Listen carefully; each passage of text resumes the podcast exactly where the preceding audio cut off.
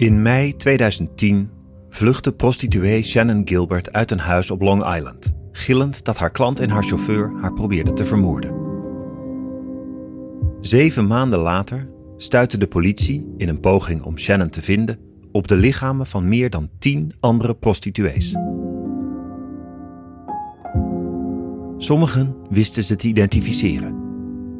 Maar er is nog altijd geen antwoord op de belangrijkste vraag van allemaal. Wie vermoordde deze vrouwen? Welkom bij Onopgelost, de Nederlandse bewerking van de Amerikaanse podcastserie Unresolved. Mijn naam is David Lucier en in deze podcast vertel ik over sommige van de meest spraakmakende cold cases van Amerika en de rest van de wereld. Deze aflevering is de tweede van een reeks over de seriemoordenaar van Long Island. Het verhaal is opgeschreven en geïnterpreteerd door de maker van Unresolved, Michael Whelan. Hij heeft zich gebaseerd op de beschikbare feiten.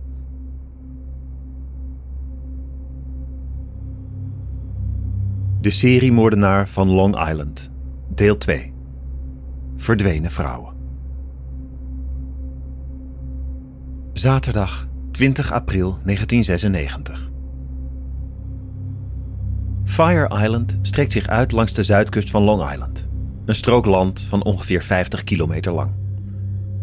Het eiland heeft slechts een paar honderd huizen die permanent bewoond worden. Maar in de lente- en zomermaanden neemt de bevolking explosief toe door de vele vakantiegangers. Van alle duizenden aanwezige toeristen liepen er die zaterdag een paar over het strand van Davis Park. Normaal gesproken een vrijwel uitgestorven stukje kust, waar buiten de zomer nauwelijks wandelaars komen. Een paar maanden eerder, in januari 1996, was de Amerikaanse oostkust geplaagd geweest door een van de zwaarste sneeuwstormen uit de nationale geschiedenis.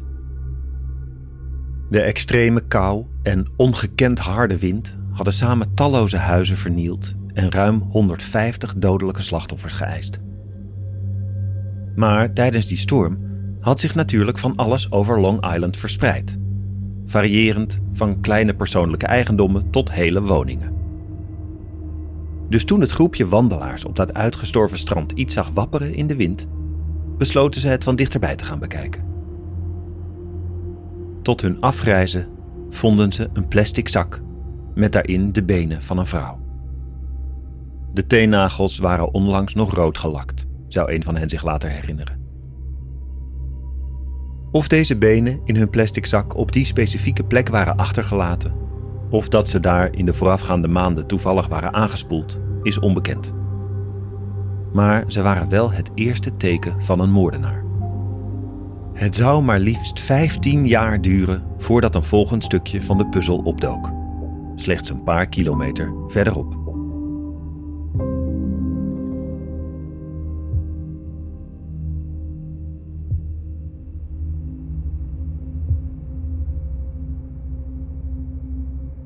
Agent John Malia gebruikte het gebied rondom Oak Beach, waar prostituee Shannon Gilbert in mei 2010 was verdwenen, om zijn politiehond Blue te trainen.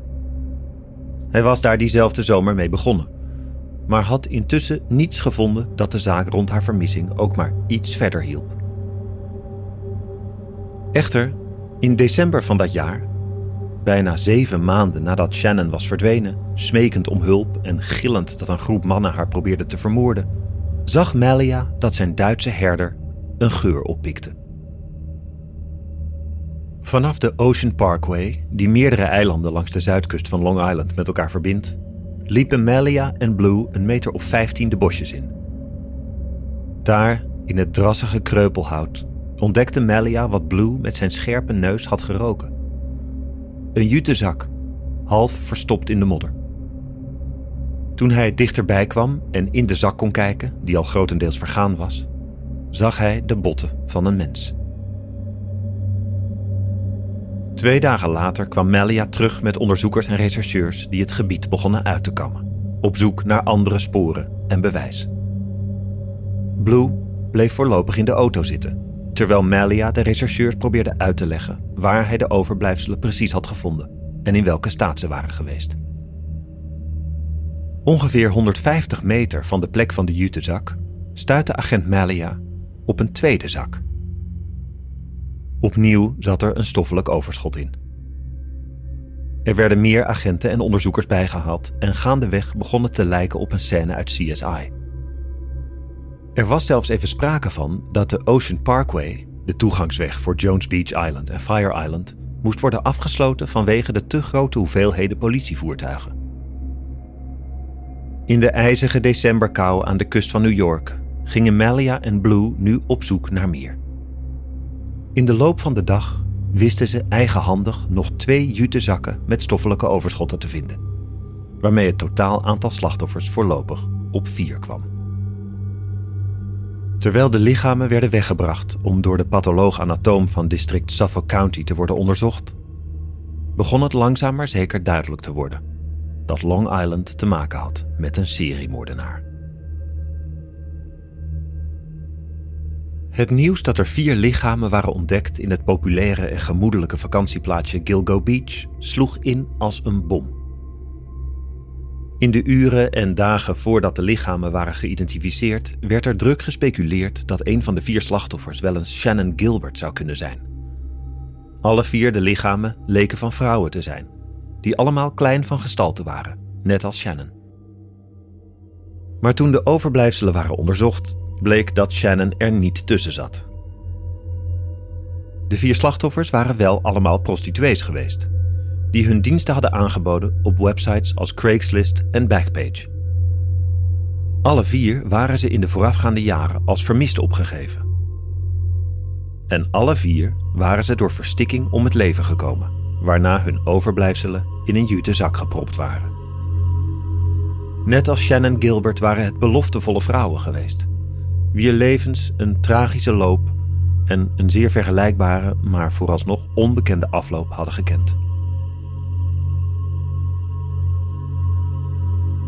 Maureen Brainerd Barnes werd geboren op 14 juni 1982. Ze was de dochter van een dolende ziel, Bob Senecal, en de hardwerkende dienstmeid Marie Ducharme. Hoewel ze haar jeugd vooral bij haar moeder doorbracht, leek Maureen veel meer op haar vader. Net als Bob was ze een dromer die de dingen nooit al te serieus nam. Ze wilde het beste voor zichzelf, maar had geen zin om zich over de kop te werken om dat ook te krijgen. Maureen was de oudste van het gezin en volgens velen het minst volwassen. Als kind zat ze altijd met haar neus in de boeken, maar toen ze een tiener was, begon ze aandacht te krijgen van jongens. En daarmee vervloog al snel de hoop dat ze haar best zou doen op school. Laat staan, zou gaan studeren. Op haar zestiende werd Maureen stapelverliefd op schoolgenoot Jason Brainerd Barnes en ze werd zijn vriendinnetje. Ze ging van school toen ze moest bevallen van hun kind, een dochtertje genaamd Caitlin. Kort daarna trouwden Maureen en Jason, zonder al te veel bombarie, in hun woonplaats Groton in Connecticut. Na een tijdje trok Maureen met Jason in bij zijn grootouders in Pawtucket, waar ze bleven totdat Jason in militaire dienst ging en ze daarvoor buiten Connecticut moesten gaan wonen. Twee jaar later keerden ze terug en gingen uit elkaar. De scheiding verliep soepel en zonder vijandigheid. Ze werden het erover eens dat dochter Caitlin bij Jason zou blijven, om zo het beste onderwijs te kunnen krijgen. Maureen ging bij haar jongere zus Missy wonen en ging als jonge vrouw van begin twintig zonder middelbare schooldiploma op zoek naar werk. Ze versleet het ene na het andere baantje, vaak voor het minimumloon en zonder fatsoenlijke vooruitzichten stuk voor stuk baantjes die haar op geen enkele manier aanspraken. Ze schreef een tijdje poëzie en koesterde jarenlang de ambitie om rapper te worden. Ze was altijd songteksten aan het schrijven, waar ze verder aan ging werken met Jay DeBrule, een buurman van Missy. De twee ontwikkelden een vriendschappelijke en soms ook seksuele relatie. Maureen beschouwde Jay's appartement als een soort schuilplaats waar ze altijd naartoe kon en waar ze haar dochter Caitlin liet spelen met Jay's dochter, die maar een jaar ouder was. Ze zat altijd op zijn computer te werken aan haar MySpace-pagina, die ze gebruikte om haar muziek aan de man te brengen. Ze was ook in Jay's huis toen ze een keer klikte op een bericht van een modellenbureau dat graag eens foto's van haar zou maken. Ze liet de foto's maken. Niks gewaagds, gewoon wat portretten. Maar opeens opende de wereld van het modellenwerk zich voor haar. Ze plaatste de foto's op MySpace en de aanbiedingen stroomden binnen. Echter, bijna alle aanbiedingen waren voor werk als naaktmodel of voor escort services. Nou ja, dacht Maureen, als je dat ooit zou doen, waarom zou je dan de opbrengst delen met een escort service? Dan kon je beter de tussenpersoon weglaten, jezelf promoten op een site zoals Craigslist en de volle 100% van het geld in je zak steken. Ze bleef op zoek naar baantjes en ging samen met een huisgenoot ergens anders wonen. Het was in deze periode, zo rond haar 25e verjaardag, dat Maureen drugs begon te gebruiken, voornamelijk ecstasy en cocaïne. Ze besloot ook om inderdaad een aantal advertenties op Craigslist te plaatsen, waarin ze seksuele diensten aanbood aan mannen in de omgeving. Maar al snel kwam ze tot de conclusie dat het geld de offers niet waard was en dat het risico te groot was dat ze iemand tegen zou komen die ze kende. Ze kreeg een nieuwe vriend, ene Steve, met wie ze een zoontje kreeg, Eden. Maar ondanks de liefde voor haar tweede kindje hield de relatie met Steve niet lang stand. Nu zat ze met voogdijkwesties met twee verschillende vaders, een huur die ze niet meer kon betalen en baantjes die nergens toe leidden. Nadat ze werd ontslagen bij een callcenter, besloot ze dat ze naar Manhattan zou gaan om daar fulltime als escort aan de slag te gaan. Maureen Brainard Barnes trok in juli 2007 voor een weekend naar New York, in de hoop dat ze daar genoeg kon verdienen om een dreigende uitzetting te voorkomen. Die dinsdag moest haar zaak voorkomen en er hing meer vanaf dan alleen haar woning. Haar ex Steve deed er namelijk alles aan om de volledige voogdij over Eden te krijgen. En als ze uit haar huis gezet zou worden, kon dat wel eens doorslaggevend zijn. Ze werd voor het laatst gezien in de buurt van Penn Station in Manhattan. Daar vlakbij, op Times Square, had ze een hotelkamer gehuurd. Op de dag dat ze in de rechtbank moest verschijnen, kwam haar familie erachter dat Maureen verdwenen was. Haar ex-man Jason Brainerd Barnes ging naar haar op zoek en belde haar zus Missy. Missy gaf Maureen op als vermist bij de politie in Norwich, Connecticut, waar ze samen hadden gewoond. Ze was in staat in te loggen in Maureen's e-mail en social media accounts en hoopte dat ze er zo achter kon komen waar ze kon zijn. Het enige dat ze ontdekte was dat haar zus als prostituee werkte. Daar moesten ze maar eens een hartig woordje over spreken als Maureen weer gevonden was. Maar zover zou het nooit komen. Maureen was een van de vrouwen die in het moeras naast de Ocean Parkway werden aangetroffen. Van de vier was zij het langst vermist geweest. Meer dan drie jaar. De enige aanwijzing die de politie ooit vond in de zoektocht naar Maureen Brainerd Barnes dook een paar weken na haar verdwijning op. Schijnbaar was haar mobiele telefoon aangezet en had hij een signaal afgegeven in de buurt van Fire Island. Dat uitgestrekte eiland, iets ten noordoosten van de plek waar 3,5 jaar later de vier lichamen gevonden zouden worden. En bovendien het eiland waar in 1996 de benen in de plastic tas werden gevonden. Het eerste spoor van de seriemoordenaar van Long Island.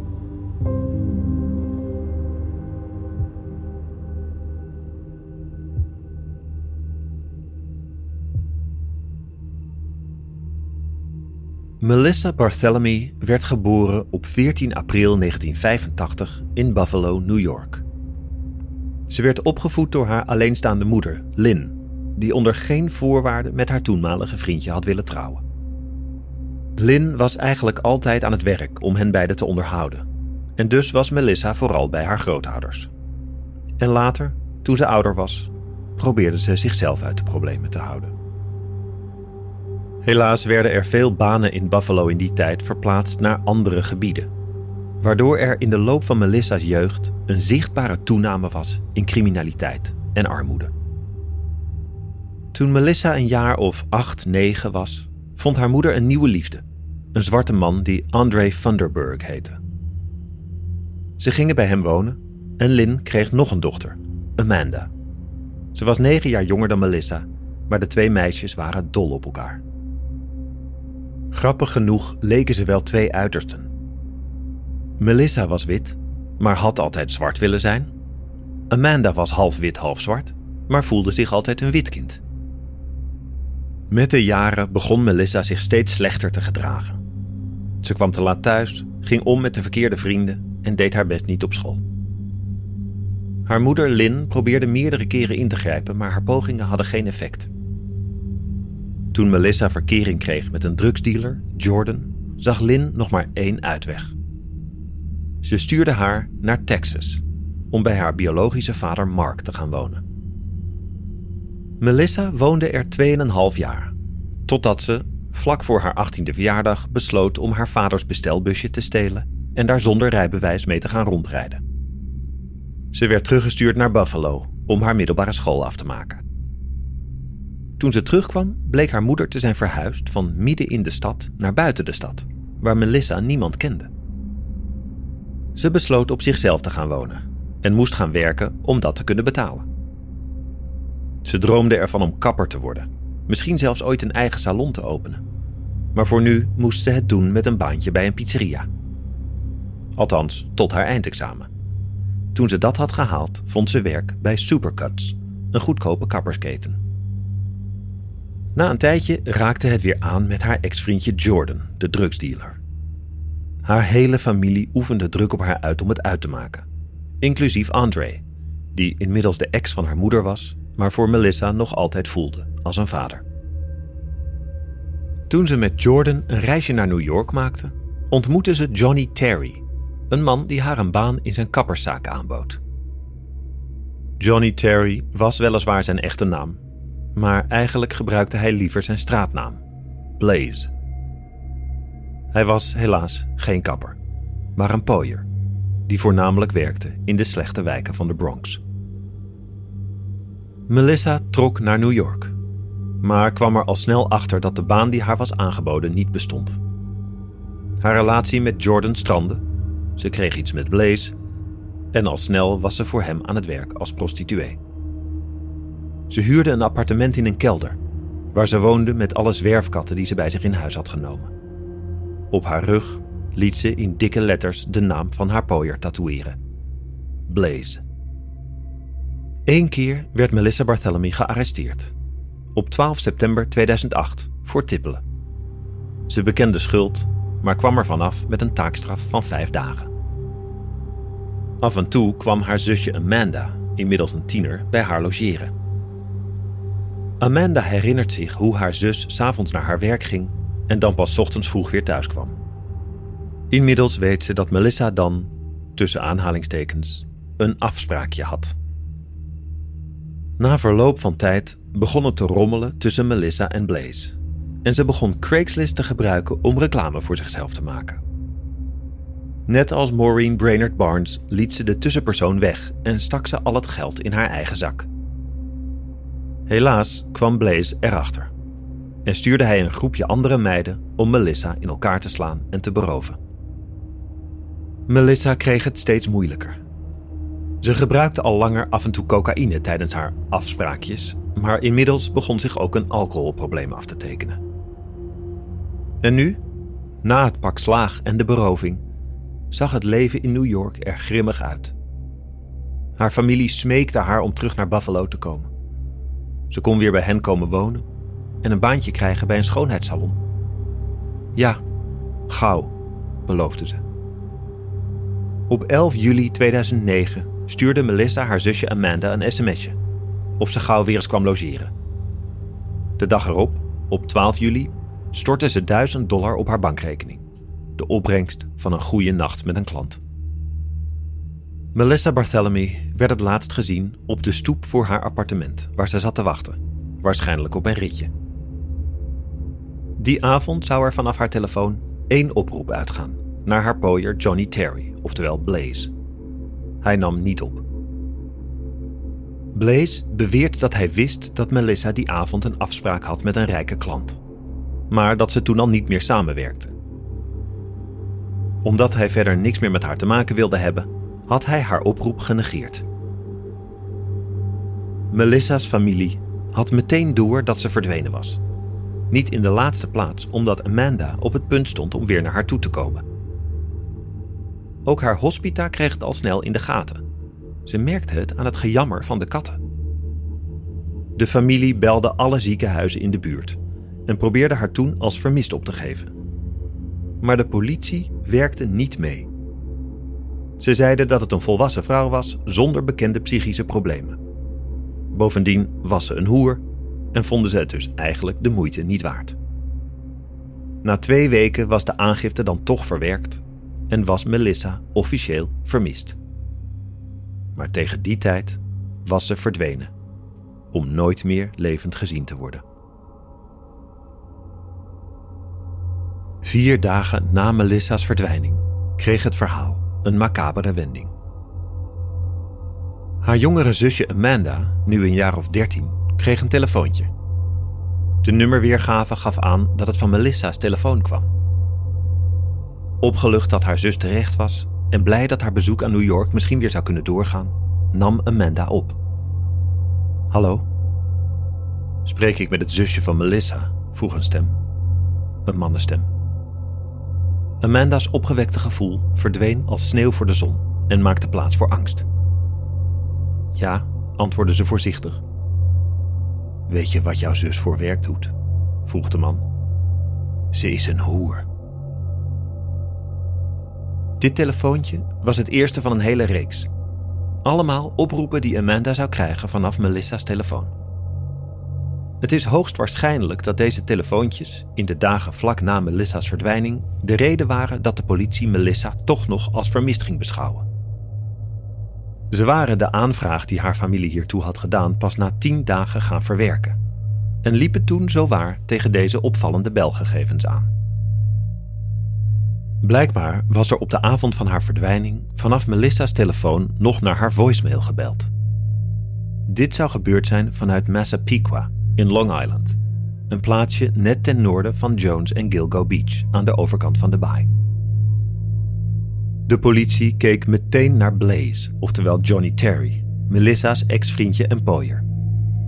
Maar hij beweerde niets met Melissa's verdwijning te maken te hebben en had een alibi in New York. In de maanden die volgden zou Amanda dit soort angstaanjagende telefoontjes blijven ontvangen. De man, die altijd sprak met een zachte, dreigende stem, bleef haar lastigvallen en treiteren. Hij zei dat hij wist waar ze woonde en noemde haar stevast een halfbloedje, refererend aan haar Afro-Amerikaanse vader. Hij leek van alles over haar te weten en kende details die suggereerden dat hij zich op zijn minst al langer met Melissa had beziggehouden. In het laatste gesprek dat ze hadden voordat het verhaal naar buiten kwam, zei hij zelfs tegen Amanda: Ik kijk hoe je zus ligt te verrotten. Johnny Terry zegt ook dit soort telefoontjes te hebben ontvangen. Ook van iemand die opmerkelijk veel details over hem wist. Over zijn tatoeages, zijn favoriete plekken, zijn werk. Volgens Terry klonk de man aan de andere kant van de lijn alsof hij al wat ouder was en wit, maar ook dronken, althans tijdens de telefoontjes. Toen de politie zijn verklaringen controleerde, zagen ze in zijn telefoongegevens dat hij inderdaad meerdere oproepen had gekregen van een wegwerptelefoon. Die stond geregistreerd onder de naam Mickey Mouse. Het beeld dat Terry van de beller schetst, wordt bevestigd door wat Amanda zich herinnert. Volgens haar klonk de man inderdaad wit en middelbaar of nog ouder. Het probleem met de telefoontjes aan Amanda was dat ze allemaal getraceerd werden naar de extreem drukke omgeving van Times Square in New York. Degene die Melissa's telefoon in zijn bezit had, zette het toestel alleen maar aan als hij ongemerkt kon opgaan in de anonieme menigte.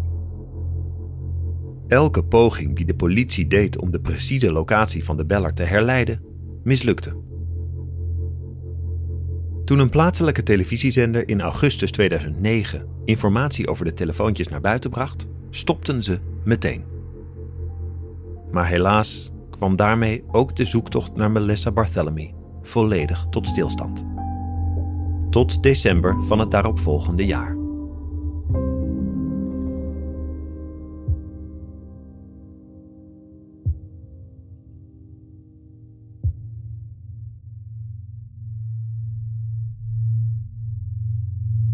Megan Waterman werd op 18 januari 1988 geboren in een probleemgezin in Portland, Maine.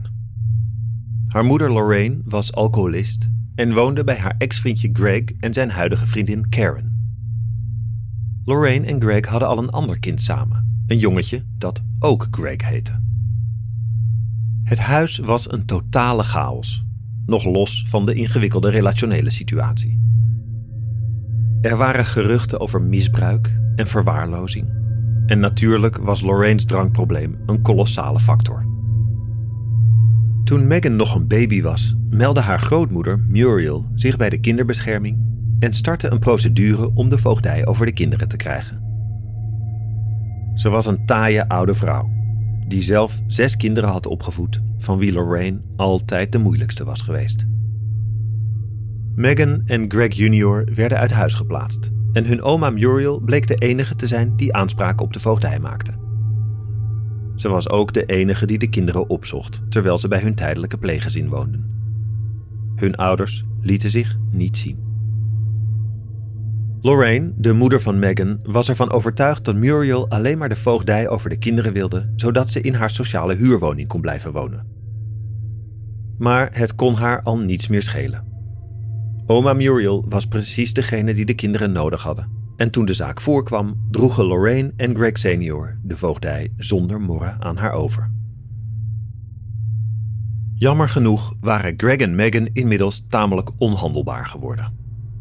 Ze leerden slecht, vochten op school, vochten buitenschool, ze vochten thuis en ze gaven iedereen die hen in de weg liep een grote bek.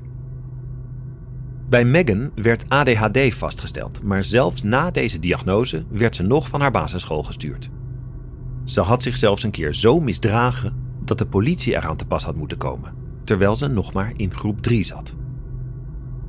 Megan Waterman kon omschreven worden als opstandig, onbevreesd en roekeloos. Ze ging gillen als ze haar zin niet kreeg, en als dat niet werkte, ging ze dreigen of vechten. Als tiener kwam ze om de haafklap in de problemen. Ze werd een goede bekende van de plaatselijke politie, om allerlei redenen. Dan weer had ze een ander meisje aangevallen. Dan weer had ze iets gestolen uit de supermarkt en ga zo maar door. Toen ze 17 was, moest ze van school en ging ze verder in het speciaal onderwijs. Dat jaar, op haar zeventiende dus, raakte Megan zwanger van een man die bijna twee keer zo oud was als zij en met wie ze het een keer gedaan had in de wc van een club. Megan kreeg weer wat meer contact met haar moeder, Lorraine, die de laatste jaren hard haar best deed om haar leven een beetje op orde te krijgen en de drank te laten staan. In de zomer van 2006 kreeg Megan haar kindje, een dochtertje dat Liliana heette. Even leek het leven Megan toe te lachen. Veel van haar zorgen losten zichzelf op en ze kalmeerde een beetje, niet in de laatste plaats door de liefde voor haar dochter Lily. Maar uiteindelijk begon de straatvechter in haar zich weer te roeren.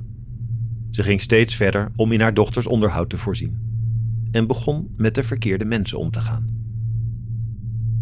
Ze maakte kennis met Akeem Cruz, bijnaam Vibe. Vibe kwam uit New York en maakte deel uit van een ruig groepje. Hij profileerde zichzelf altijd als de rustige van de groep, ook al was hij een van de jongste. En Megan voelde zich duidelijk aangetrokken tot zijn zelfverzekerde kalmte maar schijn bedriegt. Vibe was een manipulatieve, verwoestende man. Vibe was als tiener al meerdere malen gearresteerd, onder andere voor drugsbezit en verboden wapenbezit. Maar in plaats van in de rechtbank te verschijnen, verschanste hij zich in Portland, Maine, in Megans omgeving dus. En terwijl Megan langzaam maar zeker afgleed in de wereld van drugs en prostitutie, verscheen Vibe opeens om haar daarin bij de hand te nemen. Natuurlijk was Vibe altijd aanwezig als er geld geïnd moest worden, maar was hij nergens te bekennen toen Megan in de problemen kwam. In oktober 2009 werd ze gearresteerd voor tippelen en daarna werd ze tot twee keer toe beroofd door een klant.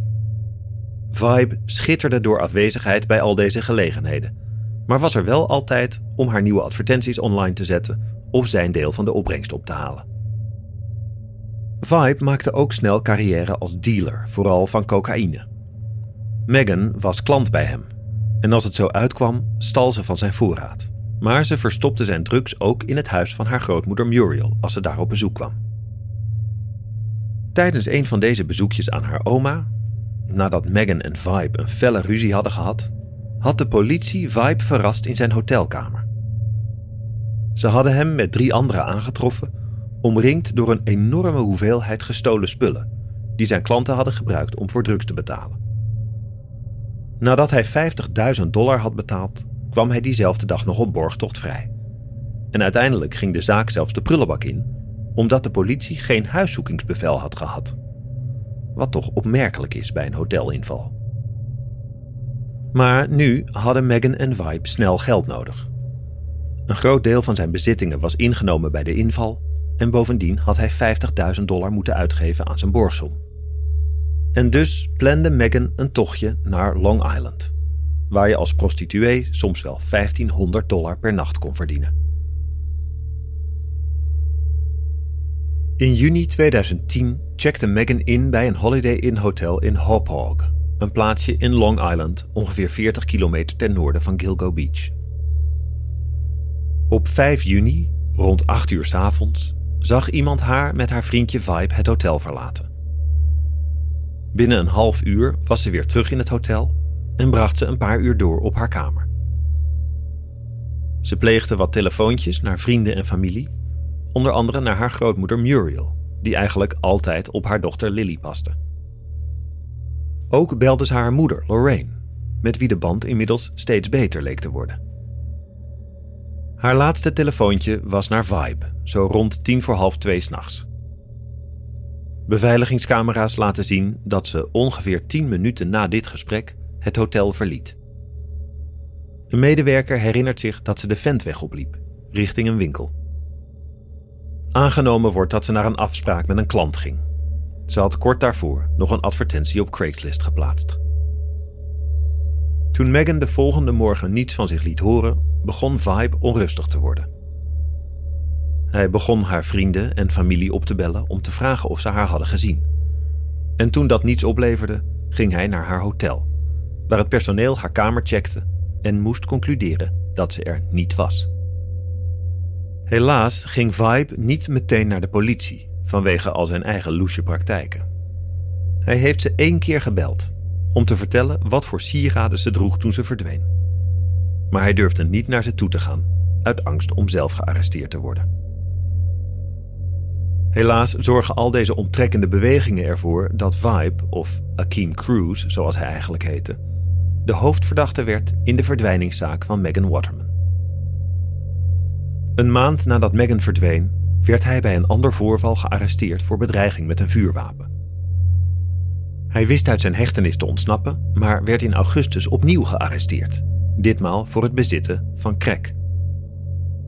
Deze keer kon er geen borg betaald worden en lukte het hem niet meer om zijn straf te ontduiken. Terwijl Vibe in de gevangenis zat te wachten tot hij moest voorkomen, trof Megan hetzelfde lot als de andere slachtoffers die in het moeras van Gilgo Beach werden gevonden. Verwurging. En daarna de jarenlange status van vermist persoon, terwijl de persoon die ze was geweest langzaam in vergetelheid raakte. En helaas was ze niet de laatste die vermist zou raken.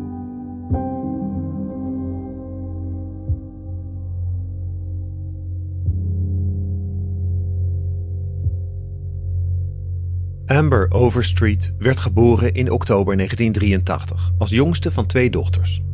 Haar ouders, Al en Margie, waren een klassiek liefdesverhaal.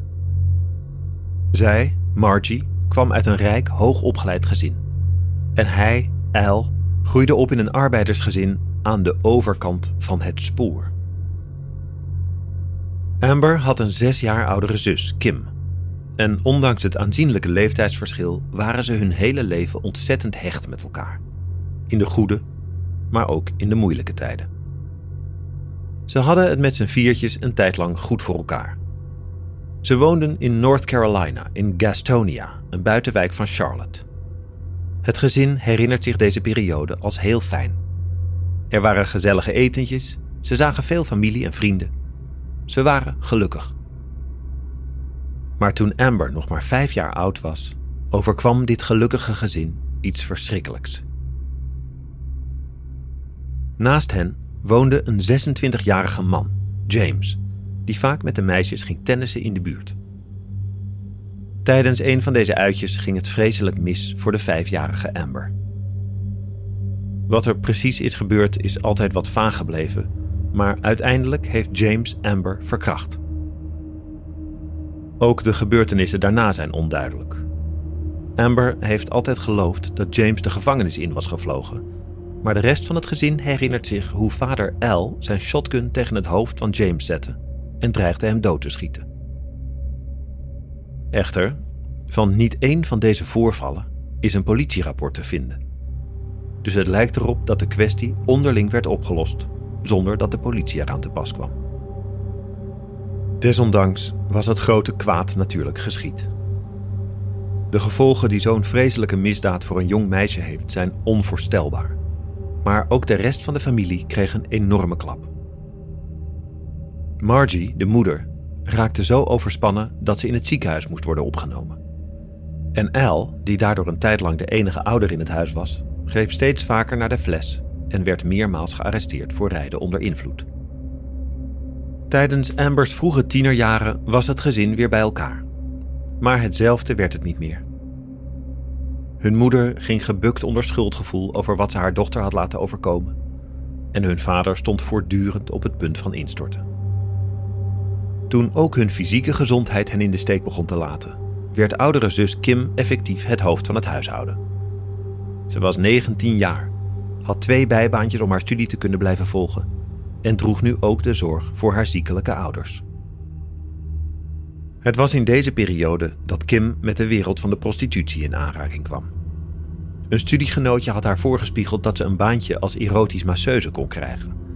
Maar uiteindelijk bleek het gewoon om illegale prostitutie te gaan. Helaas werd Amber meegetrokken in Kims bezigheden. Naarmate ze ouder werd, begon ze tegen betaling seksuele handelingen te verrichten bij jongens uit de buurt. En uiteindelijk ging ze samenwerken met haar zus. Gek genoeg, of misschien wel verdrietig genoeg, leek ze een zekere voldoening uit het werk te halen. Amber was altijd het lieve, onschuldige meisje. En ze werkte keihard om door iedereen leuk te worden gevonden. Ze leek veel te zachtaardig voor de keiharde wereld waar ze in terecht was gekomen. Maar of het nou door haar karakter kwam of door het trauma uit haar jeugd, ze omarmde het werk volledig. Ze wilde het mensen gewoon naar de zin maken. De organisatie waar de zusjes voor werkten heette Coed Confidential, wat zoiets betekent als stiekeme studentes. Waar ze eerst vooral feestjes gaven met de meisjes als gastvrouwen en entertainers, begon het bedrijf zich steeds meer bezig te houden met drugshandel, waardoor veel van de jonge vrouwen die er werkten een verslaving ontwikkelden. Oudere zus Kim raakte verslaafd aan cocaïne. En Amber gebruikte heroïne. Het zag er voor hen allebei niet bepaald rooskleurig uit. In deze periode ging Amber zich steeds meer aangetrokken voelen tot het geloof. En ze zocht hulp bij een kerk in de buurt. De pastoor, Charles West, ontfermde zich over haar en met zijn hulp raakte ze clean. Hij werd een soort vaderfiguur voor Amber. Maar toen hij plotseling overleed, begon ze weer te gebruiken. Korte tijd later trouwde ze met een Michael Wilhelm. Maar het huwelijk bleek een vergissing te zijn en binnen een maand waren ze op goede voet uit elkaar en gescheiden. Niet lang daarna trokken Amber en haar zus Kim naar Florida voor een frisse start. Maar eenmaal daar groeiden de zusjes een beetje uit elkaar en Amber, die er opnieuw in was geslaagd om clean te raken, vond aansluiting bij een hechte kerkgemeenschap in de plaats Dunedin. Ze ontmoette Don Costello en trouwde met hem. Helaas kon Amber geen kinderen meer krijgen, een gevolg van de gruwelijke gebeurtenis in haar jeugd. Na een reeks miskramen werd het hen gegund om een kindje te adopteren. Een jongetje, Gabriel. In het jaar dat haar moeder overleed, ging Amber in de kerstvakantie met haar gezin naar haar vader Al. Ze probeerde hem enthousiast te maken over het geloof en leek haar leven op orde te hebben. Maar helaas was het geluk van korte duur. Het huwelijk van Amber en Don verslechterde ziender ogen. En al snel bereikte Amber een nieuw dieptepunt toen ze in 2009 werd gearresteerd bij een poging om een tube tandpasta te stelen. Voordat ze aangeklaagd kon worden, had ze zich uit de voeten gemaakt en Florida verlaten. Kim had in de loop der jaren maar liefst zes kinderen gekregen. Ze bleef al die tijd in de prostitutie werken, waardoor ze er maar nauwelijks voor de kinderen kon zijn. En ze deelde ook nog in cocaïne. Maar ze probeerde de weg naar boven te vinden. Ze verhuisde terug naar North Carolina, vond een fatsoenlijk baantje en kreeg een gezonde relatie met Dave, een man die haar behandelde als een prinses. Het was juist deze Dave Schaller, de vriend van Kim, die het hardst van iedereen zijn best deed om Ambers leven weer op de rit te krijgen. Hij gaf haar geld om een vlucht terug naar North Carolina te boeken. Twee keer zelfs, want de eerste keer had Amber er heroïne van gekocht. En hij zorgde ervoor dat ze bij Kim en hem kon wonen terwijl ze aan zichzelf werkte. Hij zorgde er ook voor dat ze in een afkikkliniek terecht kon en zocht haar als enige elk weekend op. In de kliniek ontmoette Amber Bjorn Brodsky, een graadmagere man die de ironische bijnaam Bear had gekregen. Hij was nog geen kop groter dan Amber en had een bewogen leven geleid. Hij had vastgezeten voor een inbraak die hij had gepleegd om te kunnen betalen voor zijn drugsverslaving. En nu kikte hij af om er af en toe te kunnen zijn voor zijn zoontje, hoewel de band met de moeder van de jongen slecht was. Amber en Bear groeiden naar elkaar toe en toen ze allebei uit de kliniek kwamen, gingen ze samen bij Dave en Kim wonen. Dave voelde zich de hoeder van de groep. Een Samaritaan die zich over het zootje ongeregeld ontfermde terwijl ze hun leven weer op orde kregen. Maar al snel ontstond bij Amber en Kim het idee om weer als escort te gaan werken. Ze hadden geld nodig en legden het voor aan Dave en Bear. Bear vond het prima, maar Dave twijfelde. Hij wilde juist een beter leven voor de twee zusters en niet meer van de ellende die ze waren ontvlucht. Uiteindelijk beloofde hij hen te steunen op één voorwaarde. Ze zouden een fatsoenlijk startkapitaaltje verzamelen en er dan weer mee ophouden. Vanaf het moment dat ze de advertenties op Craigslist plaatsten, stroomde het geld binnen. Amber verdiende meer dan 1000 dollar per dag. Maar al snel werd het allemaal weer uitgegeven aan drugs. Alle vier de huisgenoten gebruikten nu. Zelfs Dave, die nooit iets anders had genomen dan pijnstillers. Hij, Amber en Bear gebruikten heroïne. Kim rookte crack. Bear werd in augustus 2010 gearresteerd nadat een politieagent hem zomaar fouilleerde en daarbij cocaïne, heroïne en een mes aantrof. Toen Amber genoeg geld bij elkaar had gevonden om zijn borgsom te betalen, maakte Bear het met haar uit. Hij zei dat hij dat altijd al van plan was geweest, maar het omwille van zijn zoontje nu niet langer meer kon uitstellen. Bear vertrok en liet Amber achter met een gebroken hart. Ze ging met Dave terug naar huis en dompelde zichzelf nog verder onder in haar werk als prostituee. Op 2 september 2010 maakte ze een afspraak met een onbekende klant, die haar na de nodige onderhandeling een bedrag van meer dan 1500 dollar zou betalen voor één nacht. Hij zou haar die avond om 11 uur oppikken. Inmiddels was Kim het huis uit. Ze had het uitgemaakt met Dave en was iets begonnen met een ex-vriendje. Dus toen Amber die avond de deur uitging om haar klant te ontmoeten, was er niemand die haar in de gaten hield of zich daar later iets over kon herinneren. Dave was te high om iets op te merken. En de klant was slim genoeg om zich verder door niemand te laten zien. Het was mooi geweest als er snel gehandeld was in de zoektocht naar Amber Costello. Maar helaas was dat niet het geval. Sterker nog, ze werd niet eens als vermist opgegeven.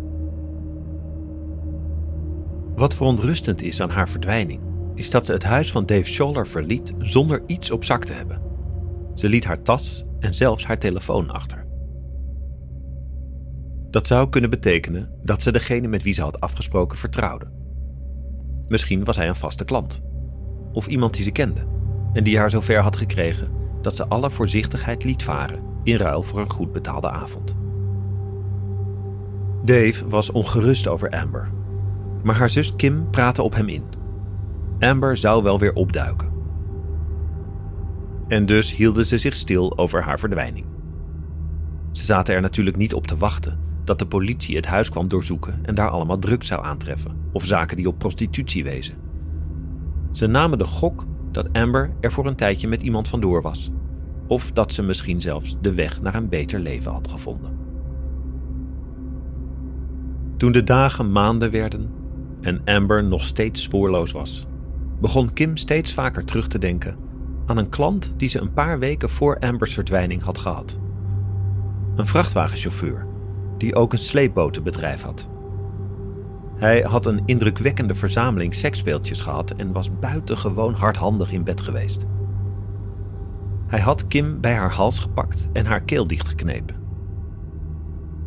Kim herinnerde zich de man eigenlijk pas nadat Amber vermist was geraakt. En herinnerde zich bovendien dat ze Amber op hem had gewezen. Hij was wat agressief, maar had goed betaald en was misschien wel iets voor haar. Het was nu alleen te laat om Amber te vragen of ze ooit iets met die tip had gedaan. Helaas zou er verder helemaal niets duidelijk worden over Ambers lot. Totdat agent John Malia en zijn politiehond Blue de vier lijken vonden. De lichamen van de vier vrouwen, Maureen, Melissa, Megan en Amber, werden nog geen 100 meter van elkaar aangetroffen, verpakt in jute. Wie deze vrouwen hier ook had achtergelaten, hij had het expres gedaan. Onderzoek wees uit dat de slachtoffers waarschijnlijk allemaal door verwurging om het leven waren gekomen. En het feit dat ze in grofweg dezelfde omgeving vermist raakten, kon maar één ding betekenen. Er was een seriemoordenaar actief op Long Island. En helaas voor de politie waren dit niet de laatste lichamen die ze zouden opgraven.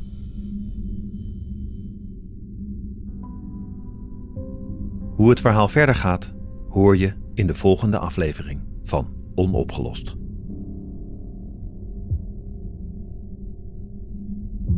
Dit was Onopgelost, de Nederlandse bewerking van de Amerikaanse podcast Unresolved. Geschreven door Michael Whelan, vertaald en verteld door mij, David Lucier. Onopgelost is een productie van Dag en Nacht Media in opdracht van Podimo. De montage en mixage is gedaan door Jasper Booghaart. De productie door Lisa Russelaar en Anne Janssens. Graag tot volgende keer.